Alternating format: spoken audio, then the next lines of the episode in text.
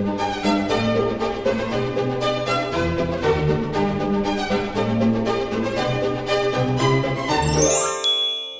och välkomna till Kungligt med Jenny Alexandersson. och Sara Eriksson.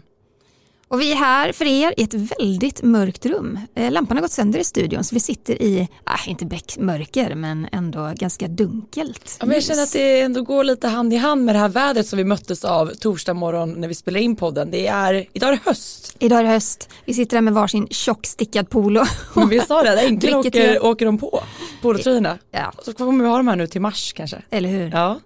Hur mår du? Eh, jag mår bra idag. Idag känns det som en bra dag. Soligt och härligt och jag älskar att sitta torsdagsmorgnar i studion. Så härligt. Ja men det är väldigt, väldigt, väldigt roligt. Det är höjdpunkten på veckan. Hur mår du? Jo men det är bra, det går upp och ner så här i eh, coronatider. Det är svårt att hålla någon form av stabilitet just nu tycker jag. För det är, ja men jag frilansar ju du vet med jobb och så här, det är inte så, så lätt. Eh, Men idag känner jag att det är en bra dag. Eh, Och en annan grej jag bara måste ta upp innan vi poddar det är att alltså jag lyssnar igenom alla våra avsnitt. För jag tycker man lär sig mycket på att höra hur vi pratar. Är det, liksom, är det något namn jag någonsin uttalar rätt i den här podden? Alltså vad är det för fel? Jag vill bara be om Men du- ursäkt på förhand. Nej, verkligen inte. Alltså det är också så här, många av de här namnen i Spanien, i eh, Tyskland eh, är jättesvåra att uttala. Ja, nej men det är helt otroligt. Jag, Det är jag det är inte jag konstigt. satte många. Och sen ska man också komma ihåg, det är rätt tidig morgon. Ja, det är det faktiskt. Man har inte riktigt så pratat igång sig innan man sätter sig framför mikrofonen. Men jag tyckte det var kul för att det var en, en lyssnare, jag tror det var två avsnitt sedan, som faktiskt var gullig och liksom skickade ljudklipp till mig på jag tror du säger fel så jag fick en liten update och det är inte så att jag tar illa upp av det utan jag blir snarare tacksam och tänker att Ja. den tar jag med mig in i nästa avsnitt. Ja men vad gulligt. Ja. Vad härligt att ni är så engagerade tycker jag. Det kommer ju också mycket mejl och kommentarer på Instagram och sådär. Det är jättekul. Det känns ännu roligare att sitta här och prata när man liksom börjar känna att man integrerar mycket med lyssnarna Mm. och liksom börjar förstå vilka ni är och att ni återkopplar. Det Ja. uppskattas väldigt mycket. Så hör jättegärna av er, det gillar vi. Det gillar vi. Mm. Eh, Vi ska alltså kicka igång någon form av avsnitt också. Det ska vi göra, vi har mycket att avhandla. Mm. Ehm, jag tycker vi ska börja med våra favoriter, prins Harry och eh, hertiginnan Meghan. Ja, men varför inte? Harry fyllde år i, vad var det, tisdags? 15? 15. Han delar i födelsedag med drottning Letizia av Spanien och prins Daniel av Sverige. Det är riktigt sån kunglig födelsedagsyra den 15 september. Verkligen. Men hur uppmärksammades det här? Jo men eh, Harry och och, eh, eller Harrys födelsedag uppmärksammades ju både av drottning Elizabeths eh, vad ska man säga, hovstab som har Instagramkontot The Royal Family där de la upp en bild då på Harry ihop med drottning Elizabeth back in the days när de såg väldigt glada och det var lite en sån här bakom kulisserna bild. Så Mm. den var tagen i ett eh, festligt folkvimmel. Det var någon tillställning. Så stod drottningen där och Harry skrattade mot henne och såg väldigt avslappnad ut. Mm, ja men det var en ja, men lite så familjär bild kan man väl ändå säga. Mm. Och samtidigt så publicerade ju då Harrys bror prins William en bild när jag tror det var i samband med ett, det här Heads Together loppet de anordnade tillsammans. Ja, de sprang på en sån här racingbana. Ja men precis. Löp, löparbana. Och också skrev att så här önskar dig en, en fin födelsedag. Och här har ju du och jag liksom beskådat nu lite två läger Ja, i, i de här hälsningarna, eller hur? det är väldigt spännande det där för att eh, i Storbritannien finns det verkligen två läger. Eh, mycket av deras, det här lägret som är emot Harry och Meghan eh, är väl ganska mycket emot just Meghan och det kan man ju diskutera. Eh, sen finns det ett stort läger då som älskar Harry och Meghan. Men den här negativa gruppen, de tyckte ju då att det var ett så talande, en talande symbol att eh, båda kungliga officiella kontona la upp bilder där bara Harry var med och inte Meghan.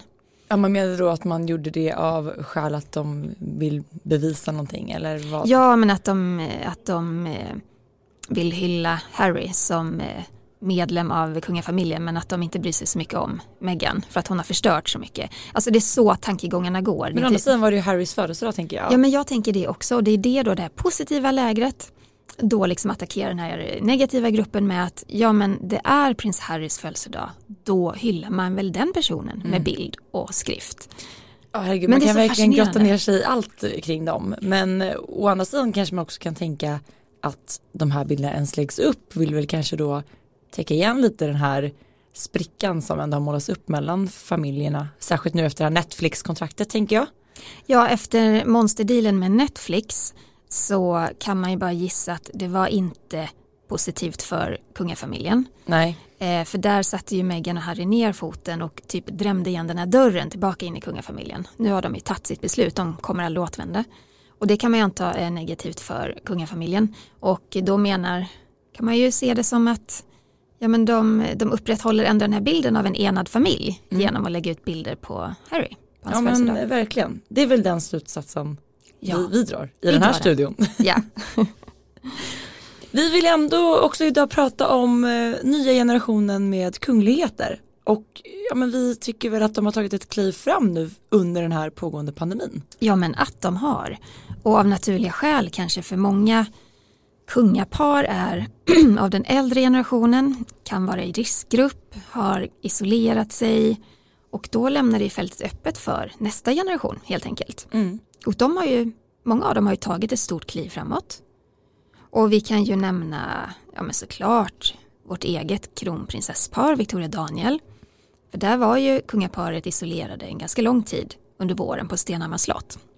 Och också att de verkligen ville leva som de lärde. Alltså de ville ju verkligen visa på att nu backar vi tillbaka och så fick de som inte utgör riskgrupp ta större plats precis som det har varit för alla under ja. den här våren. Eh, men där har vi verkligen sett Victoria och Daniel på väldigt många olika sätt. Videolänkar, videomöten, de har varit ute och stöttat lokala företag, hjälpt till vid Stadsmissionen. Ja men väldigt många olika typer av uppdrag mm. Eh, där de verkligen fick ja, men fronta det svenska kungahuset. Och sen nästan på ja, alla bilder också håller avstånd. Mm. Att de har varit noga med det, att visa att de kan vara förebilder i det helt enkelt. Ja men precis och det där är någonting vi har sett även i ja, men Storbritannien med William och Kate och Fredrik och Mary i Danmark och Håkon och Mette-Marit i, i Norge så att det här är någonting som verkligen har spilt över i, vi ser det i alla kungahus egentligen. Ja, men kan vi inte ta det här med William och Kate för det har ju varit så himla roligt med dem. De har ju också Alltså de har tagit det till en helt annan nivå tycker jag. Mycket via sina digitala möten. De har ju typ spelat bingo med eh, pensionärer. Mm. De har eh, iklädda munskydd varit och bakat bagels med ett företag som det har gått ganska, som haft det tufft under corona. Alltså de gör ju, det är liksom små grejer men väldigt, väldigt folkliga grejer. Ja, alltså just det där med att det är folkligt för det är, det är en väldigt mycket mer så personlig och avslappnad känsla av hela paret och mm. det kanske vi är lite bortskämda med att se kanske i de, i de nordiska kungahusen för där är det ganska ja, men avskalat och omänskligt men i det brittiska så är det ju lite mer konservativt och stift men här känns det lite som de har hakat på eh, de nordiska kungahusen och liksom tagit lite samma, samma linje. Eh, jag menar jag hade inte kunnat tänka mig att se William och Kate på en lokal pub ta en öl med tre meters avstånd till alla andra bara för att stötta. Alltså det känns bara som ett, ett steg som jag tror för dem verkligen i rätt riktning och som ja, men ökar deras förtroende. Mm, och popularitet. Ja, folk, folk, älskar ju det här. Och sen också det här lite mer ja, men avslappnat även när det kommer till kläder. Mm. Så de har verkligen och vi har ju fått se dem då i digitala möten och sändningar hemifrån, mm. Kensington Palace.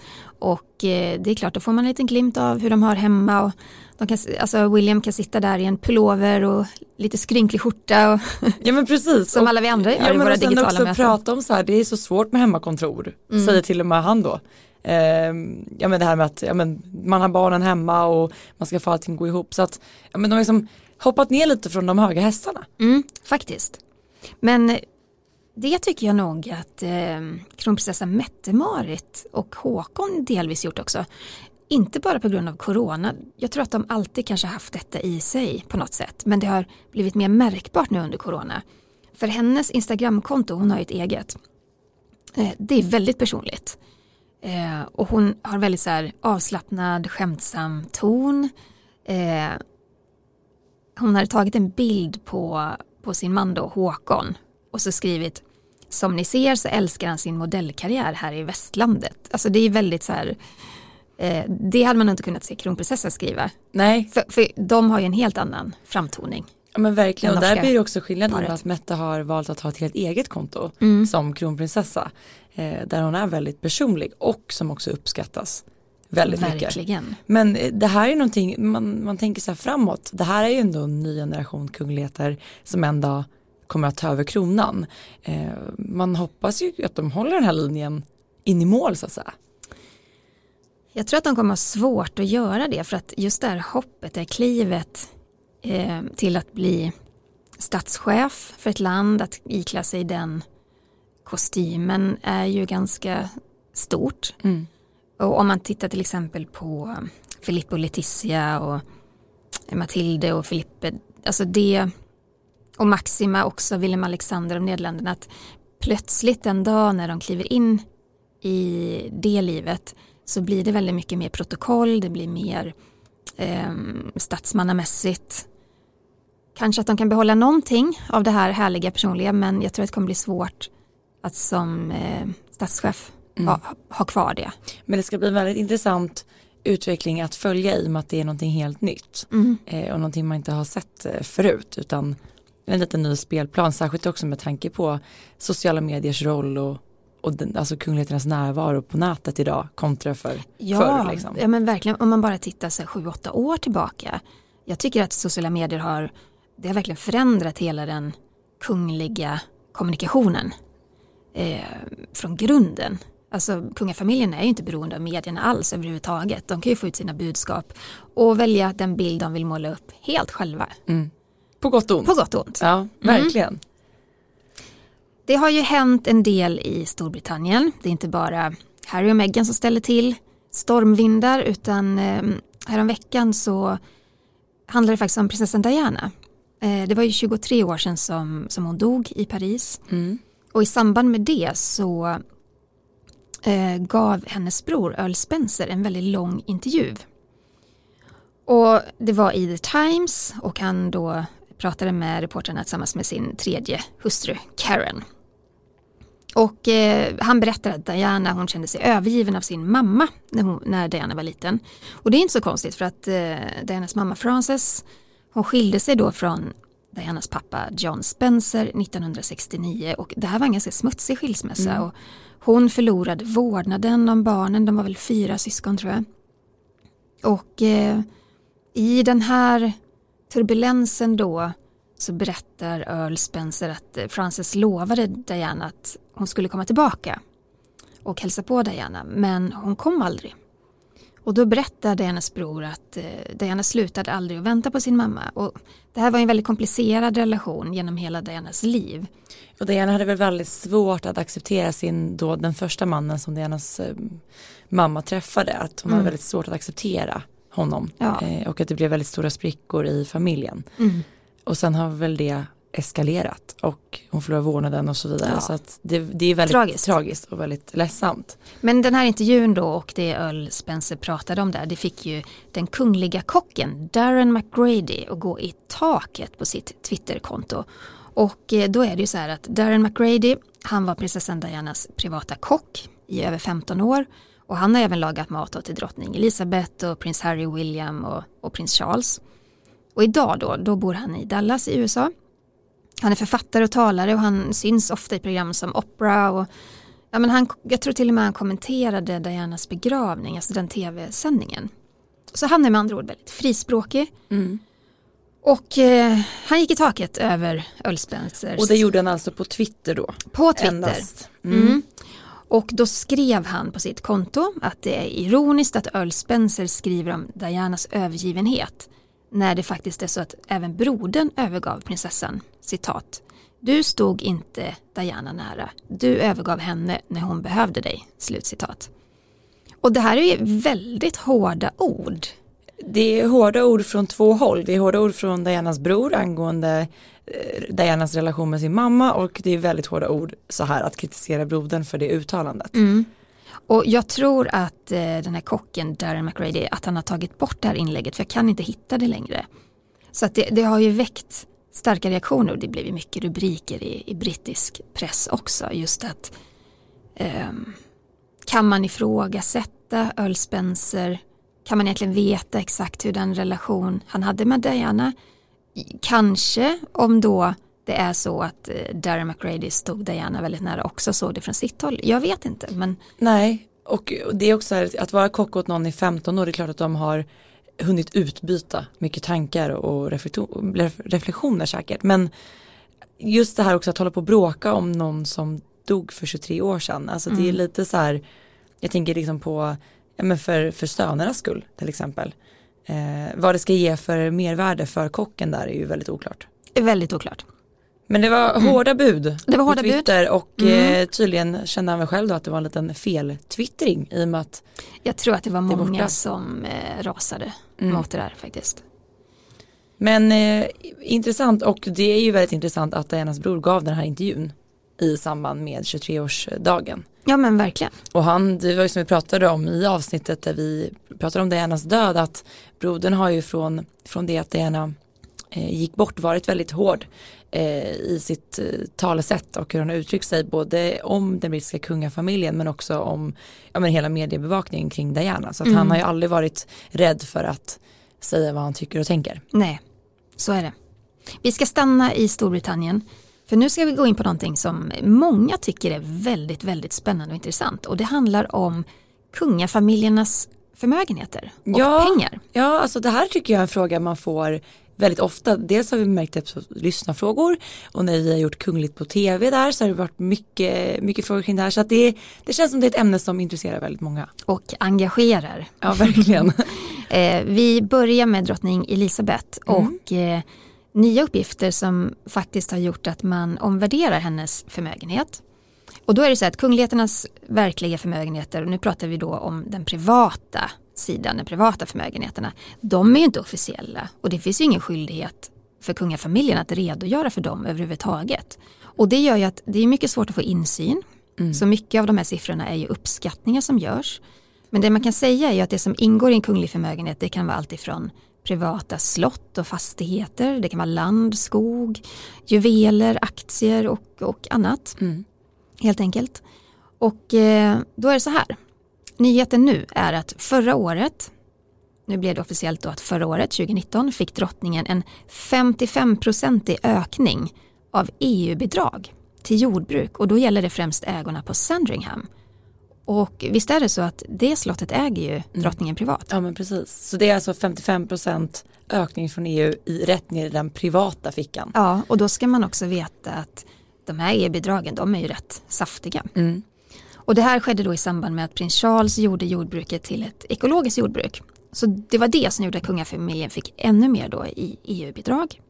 Och då är det en finansexpert i Storbritannien som menar att drottningens förmögenhet i själva verket är 500 miljoner större än vad man har trott. Mycket på grund av de här bidragen. Och den generella uppskattningen av drottning Elisabeths förmögenhet ligger på ungefär 5 miljarder. Ja, det, hon, har, hon har inte dåligt ställt. Det, hon har det nog ganska gott ställt. Ja.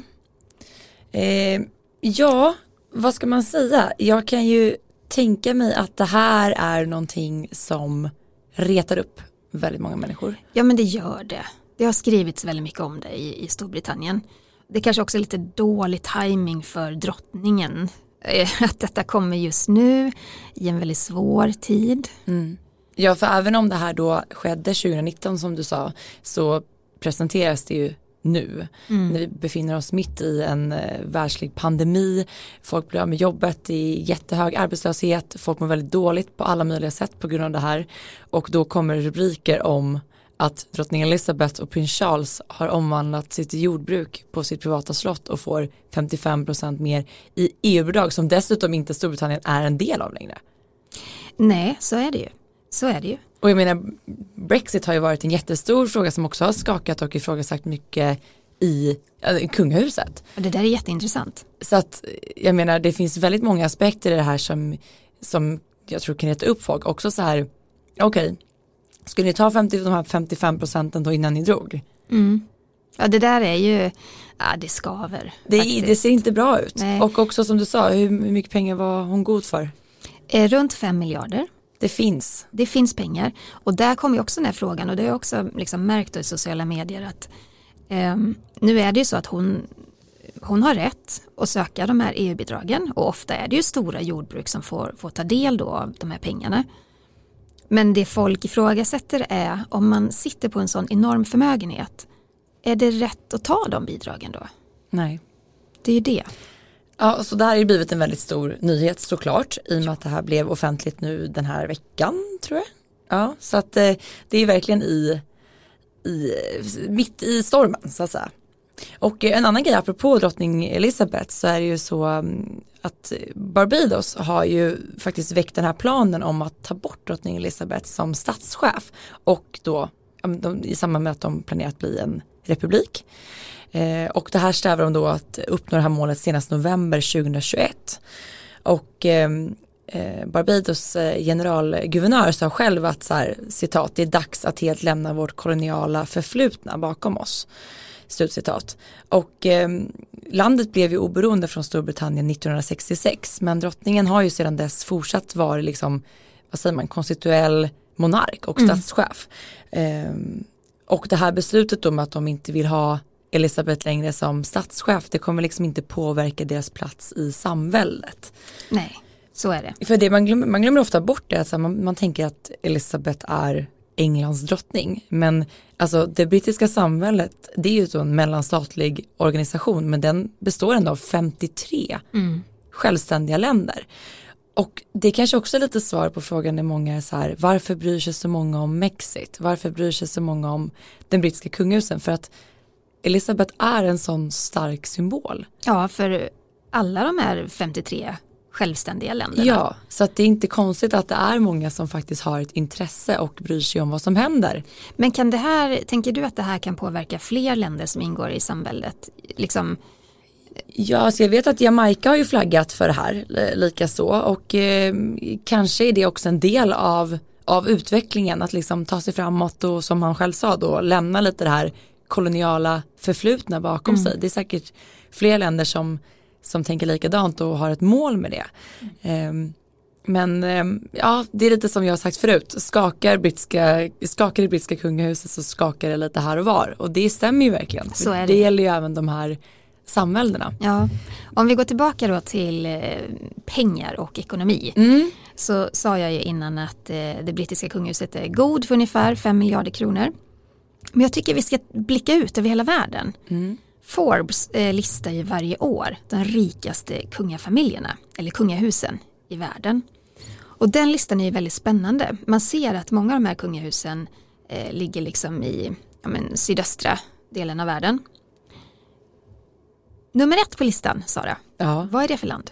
Ja, men det är Thailand som ligger på plats ett och där snackar vi alltså cirka 300 miljarder kronor. Det är så mycket pengar så att jag menar det skulle kunna liksom styra ett eh, helt land och rike och ja. hjälpa människor. Ja. Så det, är, det är en stark första plats. På plats nummer två ligger Brunei. Mm. Kanske ingen är så förvånad över. De uppskattas vara värda cirka 200 miljarder och eh, det kan man ju nämna att den sultanen av Brunei han bor ju faktiskt i världens största palats. Han äger fler än 600 Rolls Royce. Det är nödvändigt. Det är nödvändigt, eller hur? Ja. Vad ska han göra med alla bilar? Med alla, med alla bilar. Mm. Och sen på tredje plats då, då har vi ju Saudiarabien med cirka 180 miljarder kronor. Mm. Och eh, var det 2015 som kronprinsen där köpte, det var väl magasinet Fortune ja. som kallade det för världens dyraste hem. Eh, och det var ju det här franska slottet, Chateau Louis, eh, den 14. Ja men just det. Och eh, det ligger utanför Versailles. Ja, och ja. Det, jag tror det kostade 300 miljoner dollar. Alltså det är 2,7 miljarder kronor i runda svängar. Han lägger alltså två, nästan 3 miljarder på sitt hem. Och där har så här guldbeklädd fontän, marmorstatyer, häcklabyrinter. Ja. Var det där också det var den här bryggan vi pratade om i tv-programmet någon gång, med hissen ner? Jo, fast det var i Frankrike. Han köpte även en fastighet i Frankrike vid en väldigt populär strand och så stängde han av stranden för att han ville ha den privat. Just. Byggde en hiss ner från sitt chateau ner då till bryggan och stranden. Det väckte ramaskri kan jag säga. Ja, för det kommer jag ihåg att du gjorde tv på det, ja. när det hade hänt. Men jag, jag fick ju lite så här glimtar av den här enorma rikedomen när jag var i Saudiarabien med kronprinsessan 2004. Eh, det, är ju, det är ju liksom svårt att ta in den här, det här överdådet. Mm. Vi kan prata om det någon annan gång men det var verkligen så att man blir lite så stum och väldigt, jag blir också lite sorgsen över det här överdådet som människor känner att de måste omge sig med. Mm. Ja, det vore jätteintressant och vi kan prata om ditt besök där någon gång. Ja. Det tror jag faktiskt väldigt många vill höra. Jag vill också höra det. Nummer fyra på listan, Abu Dhabi. 150 miljarder kronor är de goda för. Ja. Och ett grannland ligger på femte plats, Sara. Dubai, 40 miljarder. Följt av Luxemburg Ja. på 40 miljarder. Mm. Och sen kommer ju Liechtenstein på en sjunde plats, 35 miljarder kronor. Plats nummer åtta, Marocko, cirka 21 miljarder.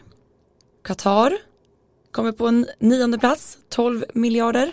Och på tionde plats Monaco som sägs vara värda runt 10 miljarder. Och det här är alltså en lista från Forbes för 2020. Och då ser man ju att det, det är ju eh, en del europeiska länder som hamnar då liksom lite längre ner på listan. Men man ska ju också då tänka att Thailand, Brunei, Saudiarabien, Abu Dhabi, Dubai, alltså deras förmögenheter de är så astronomiska att det går knappt att ta in. Men av, i Europa då så är det Luxemburg, Liechtenstein och Monaco som ligger överst. Och sen kommer Storbritannien inte långt därunder, även Nederländerna. Nej. Mm. Och eh, som sagt, det är eh, väldigt eh, mycket, mycket pengar och det är alltid intressant eh, att liksom diskutera det här och liksom djupdyka lite i det. Mm. Ehm, man liksom tycker att Storbritannien då har väldigt mycket pengar och sen sätter man det i liksom sida vid sida med, med Thailands kungahus. Ehm, Ja. ja. Bisarrt. Men vi håller oss kvar vid det här med ekonomi och pengar. Ja. Eh, vi tar oss hem till Sverige. För det är också så att eh, den svenska kungafamiljens ekonomi ofta inte kritiseras, men det, det har varit mycket kritik kring brist på insyn. Just kring den här privata, eller mer privata delen. Mm.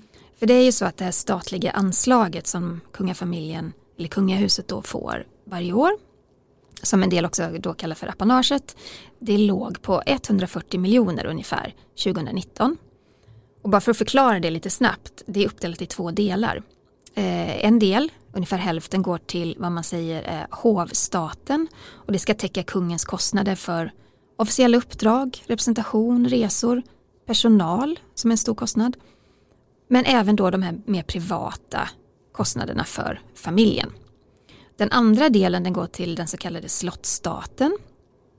Det är ungefär hälften där också då. Det ska täcka underhåll och vård av det kungliga kulturarvet så det är ju liksom slott och byggnader och, och mycket annat där. Mm. Och om man då ska prata om kungens privata inkomster så kommer ju de då bland annat ifrån ja, men Solidens slott som är hans privata egendom som vi pratat om tidigare här och samt från Stenhammars slott som man då arrenderar. Eh, Men även då såklart aktier och eh, privatägda fastigheter i övrigt så att det finns lite olika ställen man Mm. kan plocka in pengar ifrån. Mm.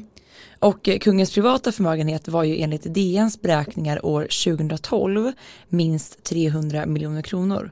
Och utöver det så har han ju även då cirka 45 miljoner kronor i sitt bolag Bensor AB. Och den förmögenheten är ju troligtvis större idag. Ja, för det här var 2012 Precis. så det är ändå passerat åtta år där. Eh, men det, jag, ty- jag tycker det var en väldigt bra, ehm, vad ska man säga, bra eh, djupdykning av DN Mm. att, att titta lite närmare på det där. För att de tog även upp det här fenomenet att det inom då kungahuset finns så kallade familjestiftelser. Och där är kungen eller andra i kungafamiljen då förmånstagare. Och då, ja, det betyder att kungen kan ju göra uttag från de här stiftelserna och det är mycket, mycket pengar i dem. Det finns ingen direkt insyn, eh, men eh, det DN då kunde se var att genom att gå liksom andra vägar och titta liksom Eh, De tittar bland annat på en stiftelse som heter Galera-fonden med en mycket stor förmögenhet. Och eh, det var ju ursprungligen en gåva från kejsar Napoleon. Det hamnade i svenska kungafamiljens ägo efter ett äktenskap i början av 1800-talet. Och det är då en stor förmögenhet men också en unik tavelsamling. 60 italienska målningar ingår i den där Oj, stiftelsen. oj, oj, oj. Mm. För det är det här som blir också ofta en fråga när det handlar om att just beräkna eh, och analysera en förmögenhet. Det spelar ingen roll om det är svenska eller något annat kungahus. Just för att det finns så otroligt många arv som har kommit till till exempel då Sverige via giftermål och, och så vidare. Men vi pratar så lång tid tillbaka att ibland kan det råda lite oklarheter vem som faktiskt äger föremålen i fråga. Mm. Och där har man ju då till exempel i Sverige gjort det bra med smyckena i och med att till exempel nästan alla diadem i svenska kungafamiljen ägs ju av eh, den Bernadottska familjestiftelsen. Eh, just för att de inte ska kunna försvinna eller kunna säljas. Men till exempel här nu pratar vi om 60 tavlor. Mm.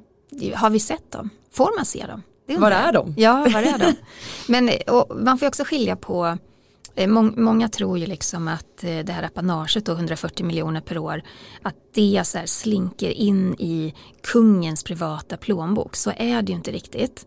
Eh, såklart, vi har ingen insyn, men, men hovet har ju blivit väldigt mycket bättre på att redovisa. De ger ju ut en årsredovisning mm. varje år, så där kan man ändå följa flödet eh, någorlunda. Men, men det är inte så liksom att de här 140 miljonerna kronorna det stoppar kungen i sin egen plånbok och aktieportfölj och sådär, så är det inte. Utan när man, precis som, som du sa, den här privata förmögenheten kommer eh, lång tid tillbaka. Alltså den har ju vuxit under många herrans år. Och jag menar, Jean-Baptiste Bernadotte tog ju också med sig mm. eh, mycket pengar. Han betalade ju av en del av den svenska statsskulden eller hur? Ja men det ska man inte förglömma. Nej. Så, att det, liksom... så att det, det, är, det är liksom pengar som har vuxit och som, som finns liksom inom familjen som inte har med apanaget att göra. Nej och det är också det som, för jag tycker ofta man ser ja, men, sociala medier och sånt där, säg att det är, man ser prinsessan Madeleine med en ny klänning eller en ny väska. Då är ju ofta människor väldigt snabba på att, att uh, säga så ah, det är apanaget som har betalat det. Det är klart att inte de går ut och, och shoppar upp hela apanaget utan mm. det täcker liksom andra typer av kostnader. Ja, och om de någon gång lägger det på kläder så handlar det om så här, kläder som måste bäras till exempel på Nobel mm. eller statsbesök och sådana grejer. Eh, Vid en typ av representation. Ja, precis. Ja. Men DN är ju inte den enda som gjort den här typen av granskning utan det sker ju lite lite då och då. Eh, men eh, Thomas Lyrevik eh, som bland annat varit statssekreterare i kulturdepartementet, departementsråd på finansdepartementets budgetavdelning. Han, vilket långt vilket ord. härligt CV han har. Ja men verkligen. Och arbetat i statsrådsberedningen. Han skrev ju den här boken Den kungliga Cleo, Cleo Klept, apropå, kleptokratin. Apropå att jag inte kan prata. Makt, manipulation och berikning. Och i den boken vill han ju då liksom, eller han redogjorde för kungens ekonomi. På... Så gott det går kan man säga, ja, men att det råder brist på insyn. Liksom. Och den boken var ju alltså, ganska, eller väldigt kritisk till kungens, alltså kungahusets finan, finanser. Liksom. Mm. Ja men jag tror också att det är Vi har ju tagit del av den boken ja. båda två. Jag, jag, tror också att det, det som liksom blir, alltså kärnan i kritiken, det är ju just det att man inte har insyn. Man mm. vet inte hur många miljarder eller miljoner kungahuset sitter på. Vad är privat? Vad, vad är inte privat? Um, det är väl det som väcker någon slags här misstänksamhet. Och som sagt, hovet har ju försökt liksom vara mer tydliga för att de har fått propåer då från regering och riksdag att, att de ska vara mer öppna och, och det har de ju gradvis blivit. Men jag tror att det fortfarande väcker väldigt starka känslor. Mm. Speciellt kanske i liksom, svåra tider när, när varenda krona räknas i liksom statsbudget och sådär. Men ehm, och det, och det, kommer vi inte, det kommer fortsätta så. Mm. Det är ju ingenting, det väcker känslor, det gör det.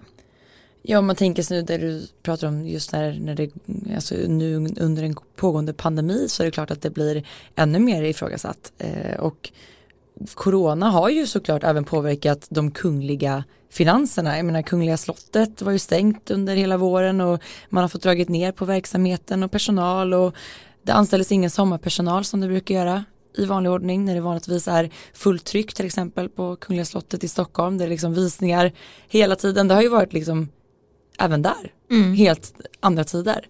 Eh, och det påverkar ju såklart också intäkterna till det här som sen också ska vara en del av att finansiera det. Mm. Ja men så är det ju. Så är det. Ja, ska vi fortsätta på pengaspåret men blicka utåt i Europa kanske? Ja men vi har fått tagit del av lite andra penganyheter. Ja, för det är ju så att när den här nya generationen växer upp, eh, ska börja ta mer ansvar, börja representera, så är Katarina Amalia eh, från Nederländerna ett väldigt gott exempel. Hon är ju då äldsta dotter till kung Willem Alexander och drottning Maxima. Mm. Hon fyller ju 18 nästa år. Och nu har vi fått reda på hur mycket pengar hon kommer få av apanaget. När hon fyller 18 år 2021 så får hon alltså 111 000 euro per år. Mm.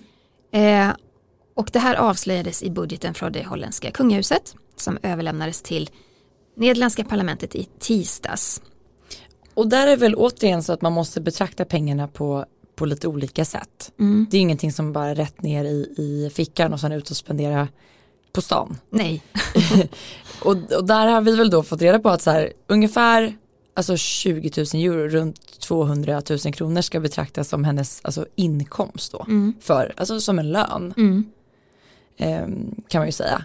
Och de andra då 91 000 eurosarna, ungefär 910 000 kronor, ska då stå för just så här uppdrag och personliga kostnader. Mm. Så att det är ju två olika konton kan man säga. Ja. Jag tycker väl att de inte var jättetydliga liksom med den här redovisningen för att på något sätt en inkomst som var första delen och sen ersättning för, för uppdrag och personliga kostnader. I mina öron låter det lite som samma sak men det, det finns säkert en skillnad där. Eh, och hon, eh, Det är ingen dålig lön. det är ingen en dålig 18-åring. lön, nej. Och när hon då fyller 19 år 2022 kommer hon få 15 miljoner kronor om året. Alltså, hallå, vilken 19-åring får Här är- 15 miljoner? ligger man i lä. Mm, ligger man lä. Mm. Men också så här, hur mycket kommer man kunna kräva av henne som 18-åring till den Alltså, lönen eller man ska säga. Ja, på pappret ska hon ju kunna vikariera, vikariera för sin pappa som statschef. Men jag menar, hon är väl mitt uppe i studier och annat och hon är fortfarande bara 18, eller snart 18, så jag menar man kan ju inte kräva allt för mycket av henne, det kunde man inte av kronprinsessan heller. Hon var ju också mitt uppe i sina studier och sådär. Mm. Så då är det ju, det är mycket pengar för en 18-åring. Och till vad då, kan man ju fråga sig Ja. de få tillfällen hon representerar eller ja, jag vet inte. Eller ansvaret som läggs på hennes ax- axlar kanske. Ja, vi, vi följer det Mm. med spänning. Men med tanke då på att hon fyller 18, det fokuseras då på henne som en, den framtida drottningen och så vidare och så vidare. Då kan man också dra den här parallellen till Sverige, hur det ser ut i Sverige idag och vad som faktiskt hände ungefär ett, exakt ett år sedan, oktober förra året, eh, när man valde att liksom kapa grenarna, men apanaget blev opåverkat. Då var du och jag uppe på slottet på ett pressmöte och träffade riksmarskalken och vi lyssnade på hur det lät. Men det har ju pratats mycket kring apanaget och att det kommer att eh, påverka de här personerna, prins Carl Philip och prinsessa Madeleines barn. Eh, prins Carl Philip och Madeleine de kommer ju också att kanske bli mer osynliga i och med det här beslutet. Kan du berätta någonting om det? Ja, det, följ, det är inte en omedelbar följd av det här beslutet eh, eftersom prins Carl Philips och prinsessan Sofias alltså prinsessan Madeleines ställning påverkas inte av det här beslutet. De kommer fortsättningsvis också att vara ett stort stöd för kungen, kungaparet och kronprinsessan och kronprinsessparet på olika sätt. Förutom att hålla på med sin ideella verksamhet och annat som de kan göra. Sen kan man se att på sikt att det blir ett ökat fokus på den blivande statschefen, alltså kronprinsessan. Och, och, som en spegling av det förhållandet kan ju deras eh, förvänt, förväntningarna på deras deltagande i olika sammanhang minska. Men det är en utveckling som vi får se på sikt. Ja, det är ju spännande det här att det är fortfarande nytt eh, får man väl säga och vi ser ju efterverkningar av att de här kapade grenarna. Vi ser ju att prinsessa Madeleine tagit ett steg tillbaka. Eh, prins Carl Philip och Sofia har ju också på ett sätt tagit ett steg tillbaka.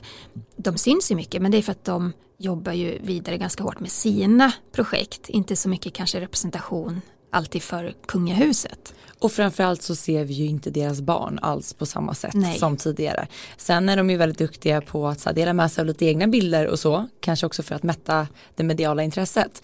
Men eh, tänk liksom det Madeleine gör idag, vi har liksom inte, nu beror det såklart också på coronasituationen, men att flytta ut till Florida på det sättet och liksom, det känns ändå som de kommer bli kvar där. Det har vi pratat om förut, det hade ju inte gått att genomföra ifall det var så att Leonor då nästa år skulle behålla sin plats och liksom Mm. utgöra prinsessa men inte gå i svensk skola. Så att deras liv har ju verkligen blivit annorlunda. Mm. Eh, men där var det ju många som ifrågasatte att så här, okej kungafamiljen blir mindre men varför består apanaget? Ja, eh, det, det gör ju nu när kunga, kungahuset är mindre så får ju varje enskild person kanske mer eller verksamheten har mer att röra sig med. Eh, jag tror att en växande kunglig familj såklart hade påverkat verksamheten för att om alla skulle vara med och representera, det skulle bli mindre pengar till var och en i ersättning, eh, ja då hade de nog varit tvungna att liksom snörpa åt mm det de ska välja ut då från verksamheten. Så att, ja, för om man ja. tänker så här historiskt sett, det är ju ungefär som att kungen och alla hans systrar skulle ha fortsatt mm. att liksom arbeta för det kungliga huset. Det hade ju blivit alldeles för brett. Och sen deras barn i sin tur ja. och deras barn. Så att någonstans måste man avgränsa det. Men mm. det är alltid en fråga här med pengar. Ja, men så här har man gjort i, i Danmark också har jag för mig och i, i Storbritannien delvis också. Så att det var väl väntat. Mm. Mm. Absolut. Vi ska gå över till eh, Monaco och Tyskland. Eh, en ganska tragisk historia har rullats upp. Eh, prins Ernst August av Hannover, han var tidigare gift, eller han är nog for, faktiskt fortfarande gift med prinsessan Carolina Monaco, men de har ju varit separerade i många, många år. De lever åtskilda. Men han greps nyligen efter ett bråk vid sitt fritidshus i Österrike och sitter eh, i fängelse i staden Wells. Och orsaken är då enligt tyska medier att prinsen har attackerat poliser och även anklagat poliser för att ha misshandlat honom. Oj, oj, oj, oj. Och det har varit flera incidenter och en av dem hände i juli, nu i somras. För då hade någon larmat polisen via telefon att det pågick någonting konstigt vid prinsens hus då i Österrike. Och när polisen kom dit så blev de attackerade av prins Ernst August och det slutade med att han blev inlagd på en psykiatrisk klinik. Och han släpptes ju sen därifrån då. Men, eh, och vid ett annat tillfälle så tog han sig till Scharnsteins, jag hoppas jag säger rätt, Scharnsteins polisstation med ett baseballträ och hotade två poliser. Och de vittnade om att han var jätteaggressiv. Ja, det låter ju minst sagt som att han har väldigt sån utåtagerande och beteende. aggressivt beteende. Ja. Och, och prinsen menar å sin sida då att nej, men polisen har misshandlat honom, de satte handklovar på honom, drog ner hans byxor och det gjorde ju då att den här gången när polisen får upp till fritidshuset efter det senaste larmet då använde de kroppskameror för att kunna dokumentera allt som hände just så att de inte skulle få fler anklagelser på sig. Och allt det materialet det finns nu hos en åklagare och prins Ernst August är misstänkt för hot mot tjänsteman. Men alltså hur, hur kan det bli så här? Alltså han har ju en lång historia av alkoholmissbruk bakom sig. Han har en lång historia av Eh, det, han har misshandlat folk tidigare, bland annat eh, fotografer och en eh, nattklubbsägare på den här afrikanska ön eh, Lamu, heter den så? Så att eh, han, han, har en historia, han, han blev ju också, han fick öknamnet Prins Piss efter att urinerat offentligt Gud, på en eh, världsutställning. Och kallas även prins Prygel just för att han är så aggressiv och har slagits med folk. Men frågan är nu, jag menar hot mot tjänsteman, Mm. Eh, kan han hamna nu i fängelset? Bli inlåst ja, bakom alltså, lås och bom? Det kan han ju. Jag, jag funderar mycket på det där eh, i och med att ja, ja, han är prins men han har ju inte åtalsimmunitet. Det Nej. har ju oftast bara statschefer och den närmsta tronföljaren. Eh, så ja, ja, visst kan han det.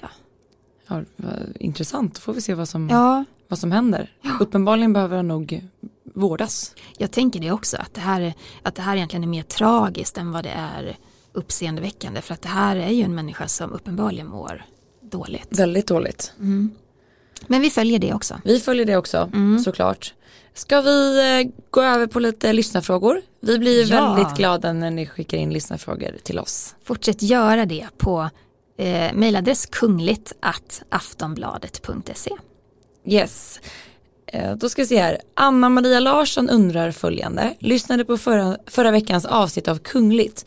Eh, talar drottning Elizabeth fler språk än engelska? Undrar hon. Mm, gör hon det? Jag tror att drottningen även pratar franska. Mm. Kan man tänka Spännande. sig. Ja. Eller hur? Ja men visst. Ja.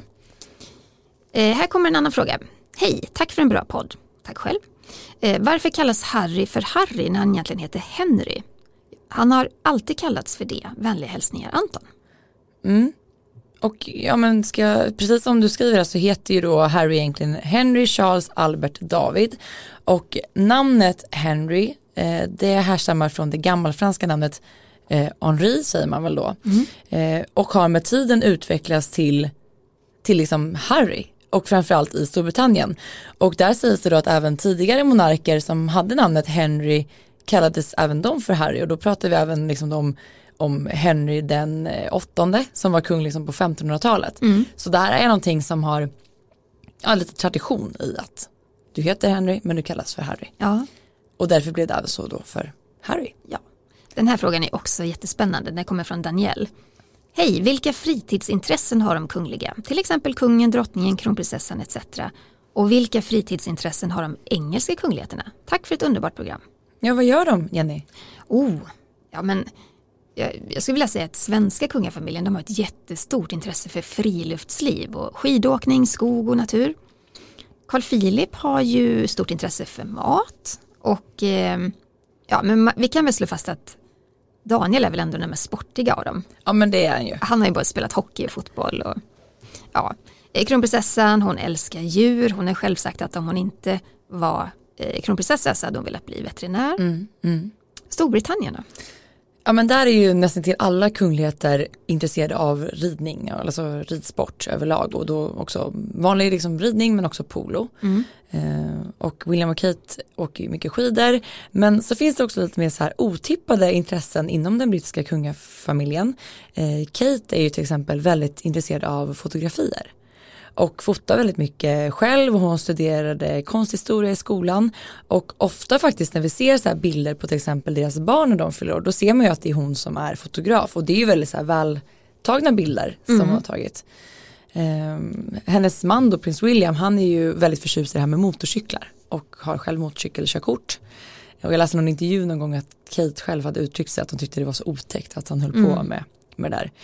Ehm, ja men sen barnen, de åker ju också skidor, går på ballett. Eh, prins Philip, alltså drottning Elizabeths man, han är tydligen en riktig mästare i köket och framförallt på grillning. Oj, undrar om han står vid grillen om de har barbecue Det känns trädgården. så. Ja. Jag ser nu, när jag säger det här, ser den här bilden, det finns en bild på han när Anne är väldigt ung. Ja. När de står och grillar ihop. Så jag tror att han hade så här grillmästare, alltid Mm. varit. Eh, Meghan är ju ett stort fan av yoga, Mm. vet vi. Det är ju prinsessan Sofia också. Och eh, prins Charles, han födde ju upp egna kycklingar. Ja men prins Charles har ju så här jätteintresse för det här med ekologiskt Ja. jordbruk som vi pratade om tidigare i programmet. Men också, han har väl också varit med och så här, typ designat städer. Mm. Så här, eh, ekologiskt byggda städer. Vi märker det här för det blev ett EU-bidrag biar. på 55% ökning. Ja men precis. Ja. ja. Men så det var väl lite om deras intressen. det är spännande tycker jag. Ja, jätteintressant. Mm. Eh, programmet är slut. Eh, tack för att ni har lyssnat. Vi kommer höras nästa vecka. Eh, och då, nej men titta vi har en fråga till, det kommer nu. Den måste, den måste vi ta Oj, Sara. Okej, Ja. Eh, min fråga är, vilka av de nordiska och europeiska kungliga barnen har livvaktsskydd? Tror ni de tycker det är jobbigt att ha en livvakt bakom sig? Är de med i skolsalen eller stannar de utanför? Eh, så att kungliga barnen känner lite frihet. Hälsningar Karin. Ja men Karin, det här är jättespännande. Man kan säga så här, en statschef har nästan alltid, eller har alltid livvaktsskydd. Eh, kronprinsessa, kronprins, definitivt. Och ja, även i skolan. Eh, om de tycker det är jobbigt att ha en livvakt bakom sig, det tycker de garanterat av och till. Men de är också vana vid det. De vet ju hur det funkar. Eh, ofta, man behöver inte gå in på detalj kring detta, men ofta kan det vara så att livvakterna kanske inte sitter med inne i lektionssalen, men finns i väldigt eh, omedelbar närhet. Och finns det också flera stycken av dem Ja. utspridda i skolsalar och korridorer och skolgård och så vidare. Ja. Så att, ehm, Så de här barnen är väldigt beskyddade. Ja. Därför det finns ju risk för kidnappning, det finns liksom risk för attentat och då skyddar man de här barnen eh, väldigt noga. Mm. Mm. Nu då? Nu avslutar vi programmet. Nu ska vi avsluta programmet. Skicka in fler frågor till oss. Glöm heller inte att följa oss på sociala medier. Instagram, Jenny, var hittar man dig? På Instagram finns jag på Kungligt med Jenny. Och jag heter royalistan.se. Tack så jättemycket för att ni har lyssnat på veckans avsnitt. Ha det gott, hej då! Hej då!